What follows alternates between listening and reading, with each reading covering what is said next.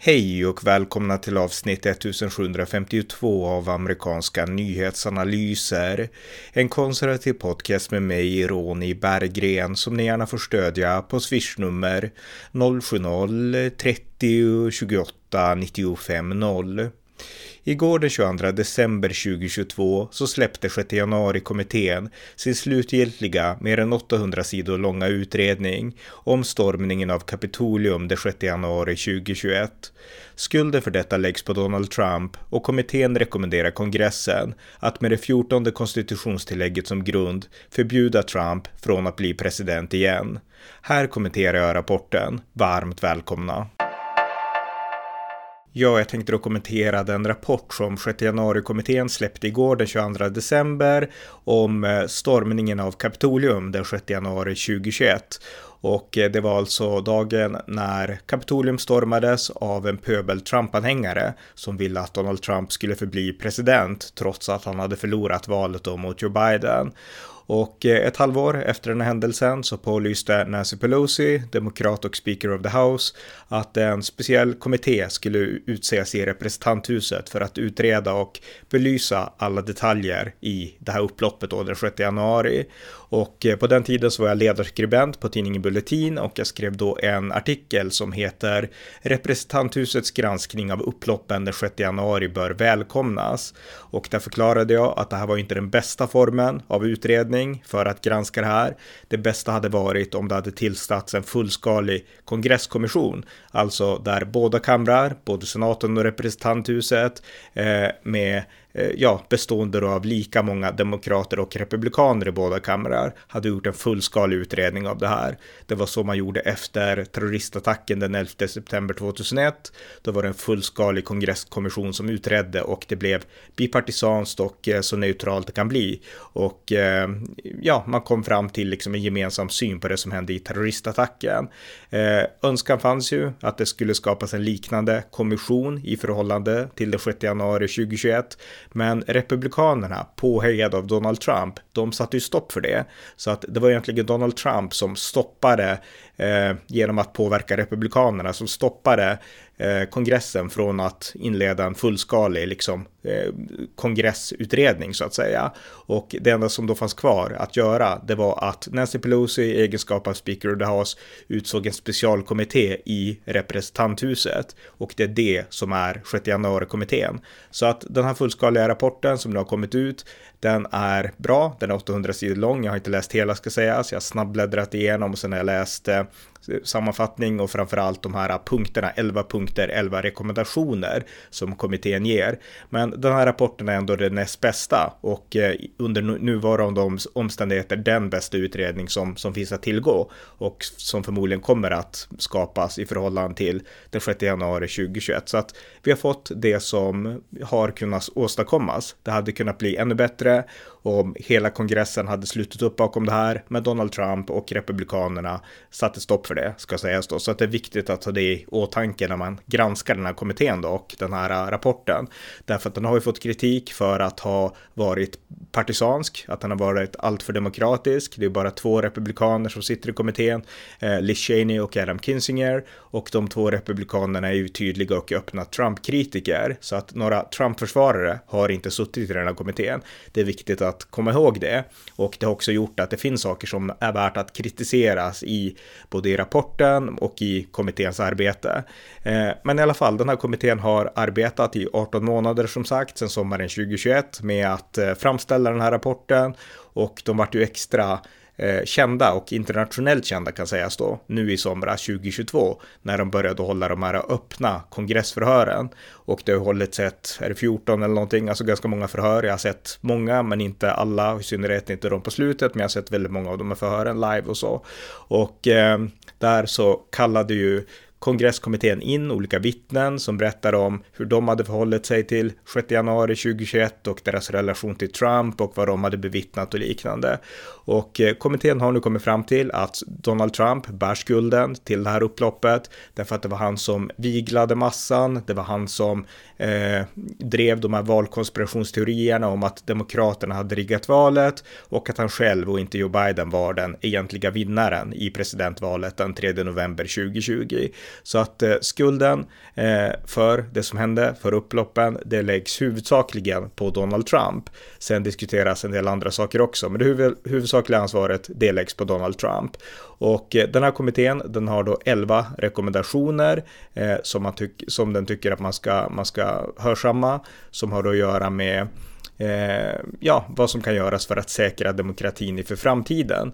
Och eh, de här rekommendationerna, de, eh, eh det mest det mest, vad ska man säga, i ögonpåfallande av de här rekommendationerna, det är att man tycker att eh, kongressen utifrån det 14 konstitutionstilläggets tredje sektion som säger att eh, en person som har valts till ett ämbete har svurit eden till konstitutionen att värna republiken. Om den personen likväl deltar i att uppvigla och att motarbeta eh, liksom, och skapa ett, ett upplopp mot, liksom, mot staten, mot den amerikanska republiken, alltså i, i trots mer än konstitution som personen har svurit att upprätthålla, då ska kongressen kunna rösta för att förbjuda den här personen att någon, någon gång igen någonsin hålla ett offentligt ämbete.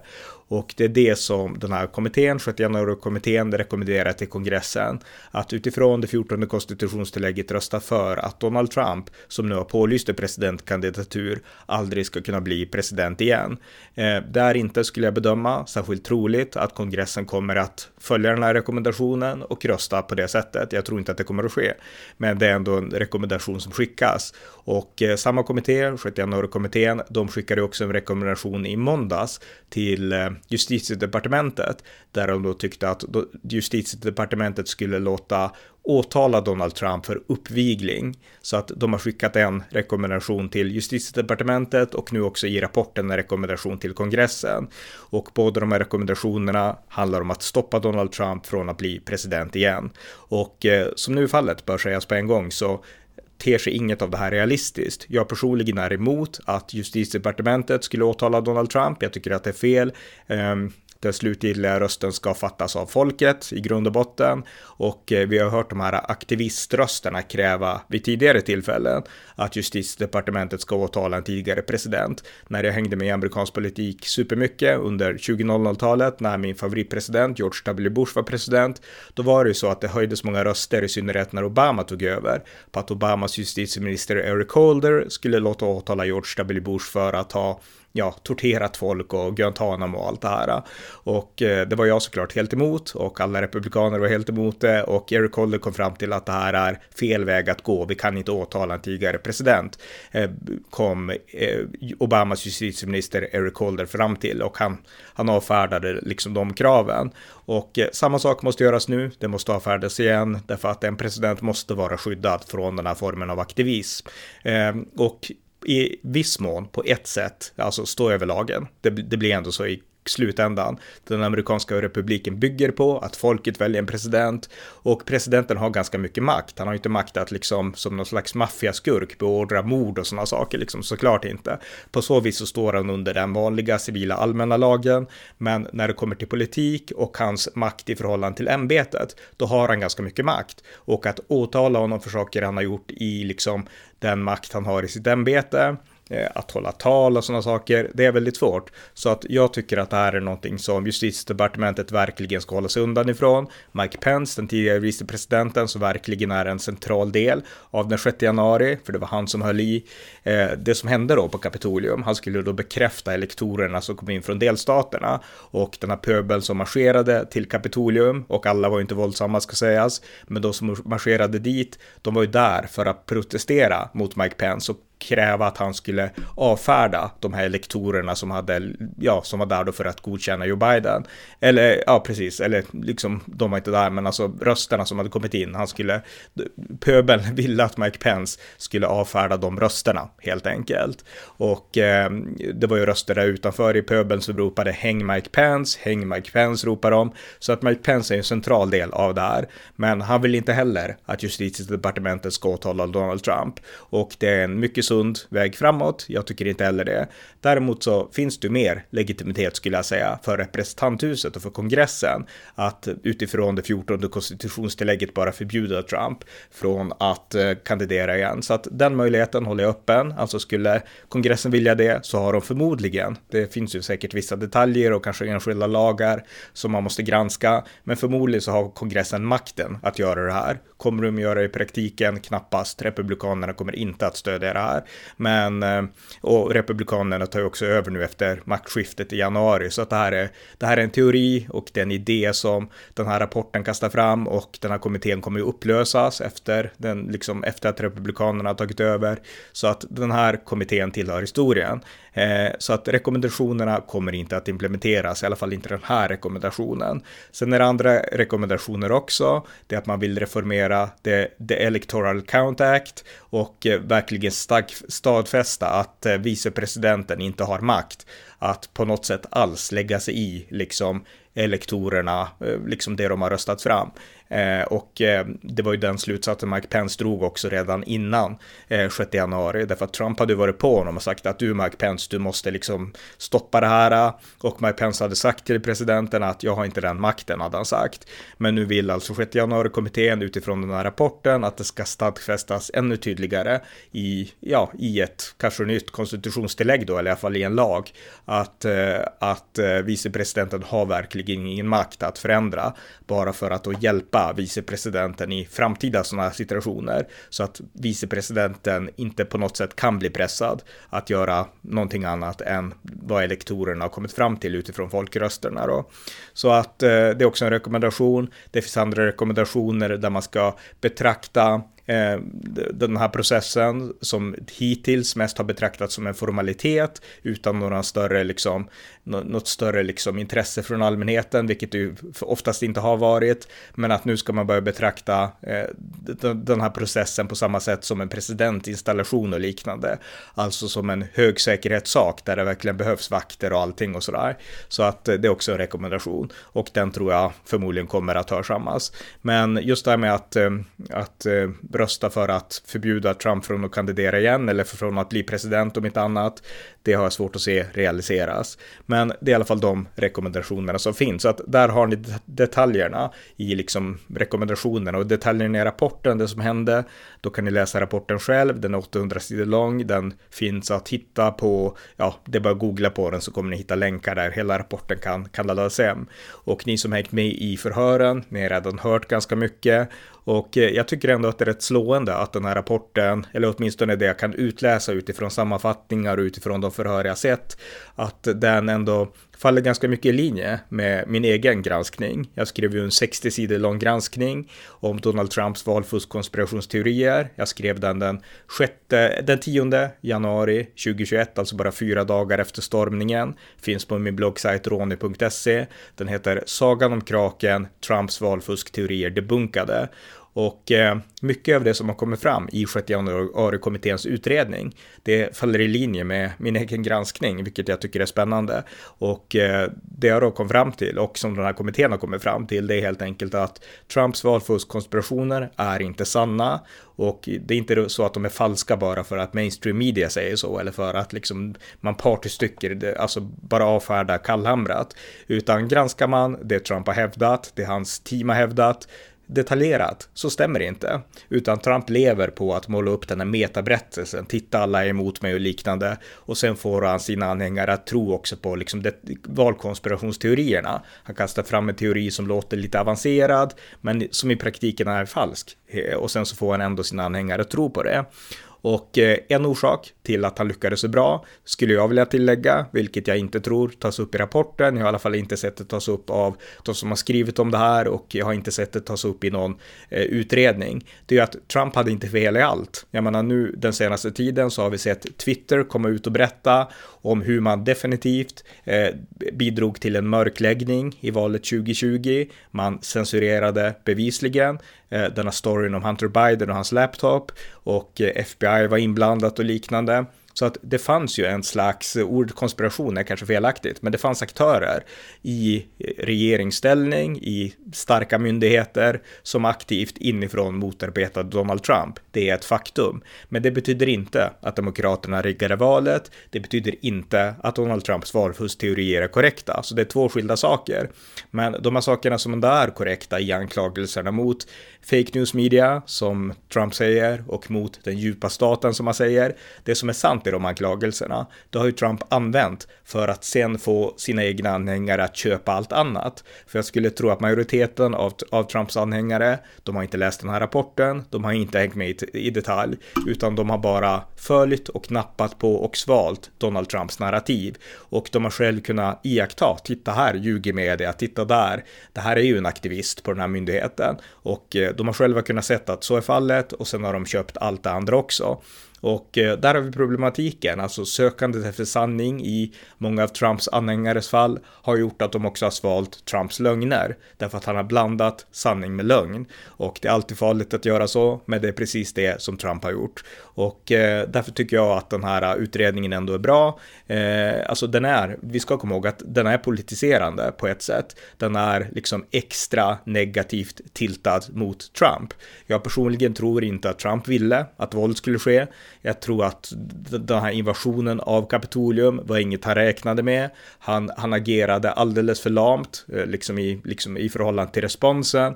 Men man ska inte liksom trycka det här för hårt på Donald Trump heller. Alltså ansvaret för det som hände, det var hans helt och hållet. Men det var inte så att han ville att våld skulle ske eller så. Så att eh, han viglade förvisso, men ville han att alla, allt, allt det här utfallet som kom, var det liksom ett direkt hans personliga ansvar? Indirekt var det ju det, men var det direkt hans personliga ansvar?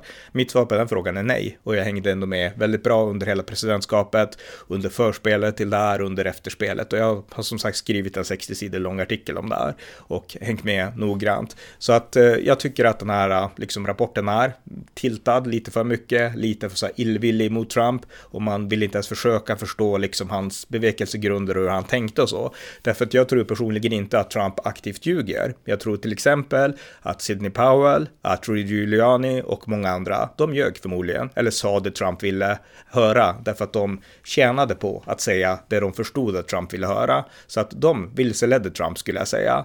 Trump personligen, han tror förmodligen genuint på att valet var riggat och han har inte förmågan att inse att, att det inte var så. Därför att han verkar bara ha personligheten, att kunna ta till sig saker som faller i linje med det han tycker och annars så på något sätt så filtreras det ut. Så att jag skulle säga att Trump är, och i synnerhet då, alltså när det var diskussioner om det här, han var naivt godtrogen. Han trodde verkligen på de här konspirationsteorierna och sen så blev han den främsta kanalen för att sprida dem vidare också.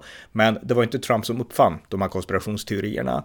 Eh, Reuters har nu haft flera artiklar om några av de här huvudaktörerna i de som skapade och drev på konspirationsteorierna och eh, Trump svalde mycket av den information som han fick feedad för att han skulle få liksom bekräftelse på hans egen syn och hans egen förhoppning kanske ännu mer på saken, nämligen att han var egentligen den, den riktiga vinnaren. Så att jag lägger inte lika tung skuld på Trump personligen som den här kommittén gör. Men däremot så är den här kommittén och den här utredningen det bästa vi kan få och övergripande så är det bra slutsatser och eh, ja, de granskar verkligen detaljerna här steg för steg. Och det är ingen snack om att Trump, han har gått fel, alltså han, han har gått på mina efter mina liksom. Eh, och det har exploderat varje gång och han har inte liksom lyckats ändra kurs egentligen. Och eh, konsekvensen av det, rent politiskt, det kan vi se nu i midterms när det gick så dåligt för republikanerna och för de Trump-lojala republikanerna i synnerhet. Och Trumps framtid som republikansk presidentkandidat, den är inte utesluten, men den ter sig allt mer oviss. Sen ska vi säga att när i slutändan så kommer det inte att handla om, Eh, det kommer inte att handla om vad media tycker, det kommer inte att handla om ens vad liksom det republikanska etablissemanget tycker, utan det kommer att handla om de republikanska väljarna i primärvalsdelstaterna. Det är väldigt viktigt att komma ihåg det. Det är de som väljer och nominerar sitt partis presidentkandidat och där har Trump fortfarande en chans och det är inte alls säkert att Ron DeSantis kan besegra Trump i de här delstaterna. Men eh, övergripande så är det så att vinden som blåste, liksom, ja, som gav Trump medvind, den har vänt. Så att nu får Trump ändå kämpa i motvind på ett helt annat sätt. Och det beror på att han har trampat i klaveret och han har, han har satt sig själv i den situationen genom att driva de här konspirationsteorierna och allt det här nu som beskrivs i den här rapporten. Så att eh, kort och gott, en viktig rapport, en bra rapport, även om jag inte tror att konsekvenserna kommer att bli så stora och eh, absolut inte blir det som den här kommittén hoppas på, utan republikanerna kommer att köra över det här. Donald Trump kommer med all sannolikhet att kunna fortsätta sin presidentkandidatur och eh, om han stoppas så kommer han att stoppas av de republikanska väljarna och kanske då av de allmänna väljarna om han skulle bli republikanernas kandidat. Men han kommer inte stoppas av kongressen. Han kommer inte stoppas av justitiedepartementet och i grund och botten så är det ju lite så det ska vara. Alltså väljarna själv kan följa det här. De kan läsa den där rapporten och de kan själva avgöra och bedöma om de tycker att Trump förtjänar en röst en gång till eller inte. Så att eh, i grund och botten så kommer det bli väljarnas beslut. Och eh, vad man än tycker om Trump så kan man inte betrakta det perspektivet som felaktigt, tycker jag. Så att det var lite om, om den här rapporten som jag bejakar, men jag förstår ändå att den kommer att tiltas politiskt. Men jag skulle också vilja dra några andra liksom, slutsatser av allt det här. Eh, en sak, eh, det är att Eh, vi måste inse, vi som är konservativa, att idéerna, de konservativa idéerna är viktigare än personen som frambär de här idéerna.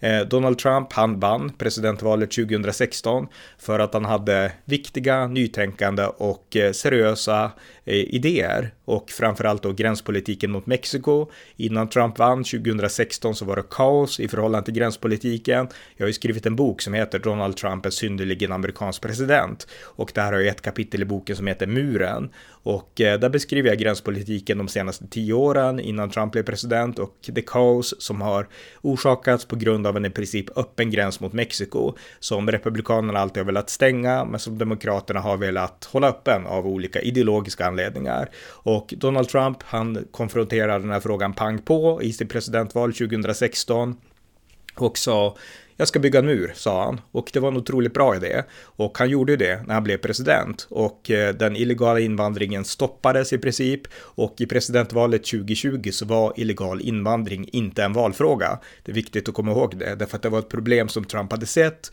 och som han hade löst. Så att det här problemet som hade funnits tio år innan Donald Trump, det lyckades han lösa. Sen så förlorade ju han eh, 2020 då mot Joe Biden och Joe Biden rev upp den här politiken. Och idag har USA gränsproblem som aldrig förr. Alltså det här är ett nationellt hot mot USA, den öppna gränsen mot Mexiko. Och det är helt och hållet Joe Bidens och Demokraternas fel. Så att jag menar, där hade ju Trump lösningen. Och eh, det kan aldrig förringas, det kan aldrig fråntras Trump eller något liknande.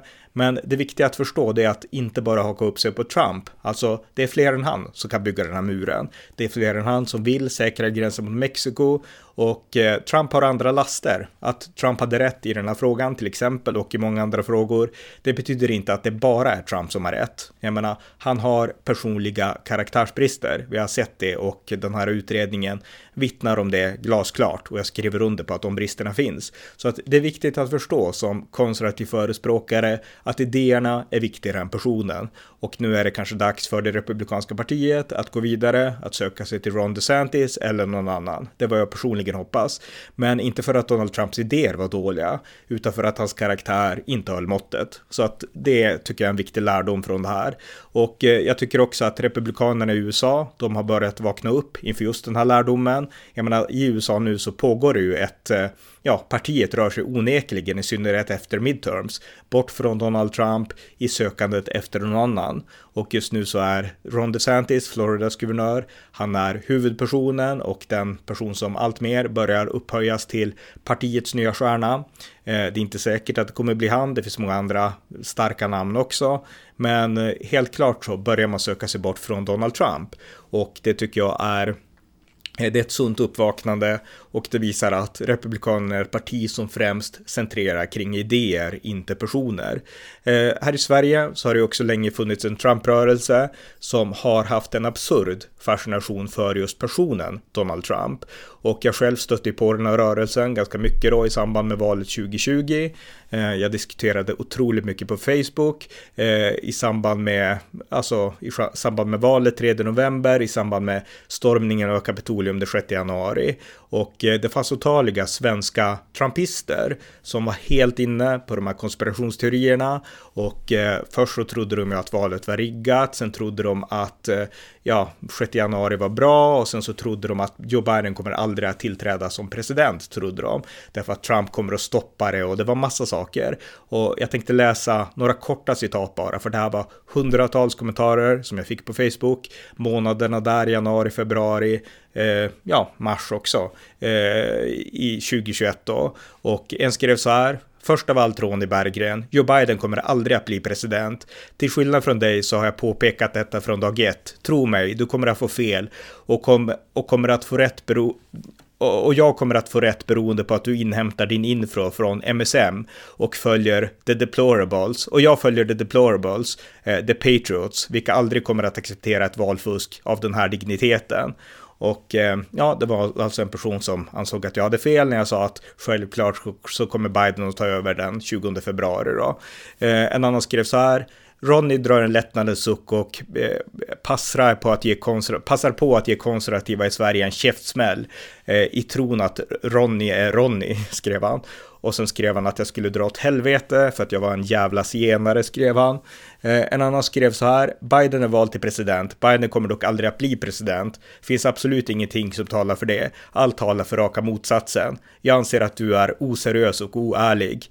Eh, och jag svarade då att, eh, ja, förklara, hur kommer Biden inte att bli president? Och jag fick svaret att du tror att du kan allt om USA och så vidare. Och Eh, ja, du kommer få se eh, liksom vad som händer sen när Biden inte blir president ungefär. Så att det var, alltså de här rösterna, det var inte en röst, utan det var otroligt många. Och eh, ja, jag har sparat massa screenshots från den här tiden och, och sådär. Men alltså, det fanns en ström av svenska Trump-anhängare som trodde på konspirationsteorier och som trodde allt det här absurda om Donald Trump. Alltså, vi måste komma ihåg att det finns Donald Trump, personen och politiken. Det är den som jag stöder och som jag stödde från början. Jag menar, jag gick ut och stödde Donald Trump redan i mars 2016. Och eh, sen finns det också de här som kanaliserar sina egna fantasier på Trump. Eh, de första som gjorde det, det var inom alt-right-rörelsen, där 2016. Eh, en del vit maktanhängare, KKK, de tyckte att i Trump har vi en vit president. Och eh, aldrig någonsin så betonade Trump det, utan det var deras egen fantasi som de på något sätt projicerade på Donald Trump. Och efter det så har ju rörelse efter rörelse projicerat sina egna fantasier på Donald Trump. Hösten 2020 så var det Qanon, den här konspirationsteorirörelsen, som ansåg att Trump skulle leda fighten mot den djupa staten och avslöja alla pedofilnätverk i USA. De kanaliserade sina egna fantasier på Donald Trump som den store frälsaren och deras Messias. Och Trump själv, han flörtade förvisso lite grann med den här rörelsen, men det är inte så att Trump har liksom det är inte det som är Trumps ingång i politiken, utan det var de som projicerade det på Donald Trump. Och dit jag vill komma, det är att det i Sverige finns en rörelse, den är inte så liten som man kanske kan tro, eh, om man bara följer mainstream media i Sverige, utan den finns under ytan utan tvekan i Sverige, som tror på sådana konspirationsteorier, och som projicerar sina egna fantasier på det ena och det andra och som gärna blir Eh, i viss mån personbesatta. I, I, synnerhet när det gäller Donald Trump så blev de det. De var väldigt liksom hype, de hypade Trump och såg honom som någon slags messias. Och jag insåg snabbt att de här är mer intresserade av personen och sina egna fantasier än verkligheten. För jag menar, jag anser att verkligheten kräver konservativa svar på våra stora frågor. Ta massinvandringen som jag är helt emot. Där behövs det konservativa svar för att stoppa massinvandringen, för att stoppa islamiseringen i Europa och i USA för att stoppa massinvandringen från Latinamerika. Eh, nationen, den amerikanska nationen kommer inte att hålla samman om det här fortsätter och Europa kommer inte att hålla samman heller om vi bara fortsätter med massinvandring.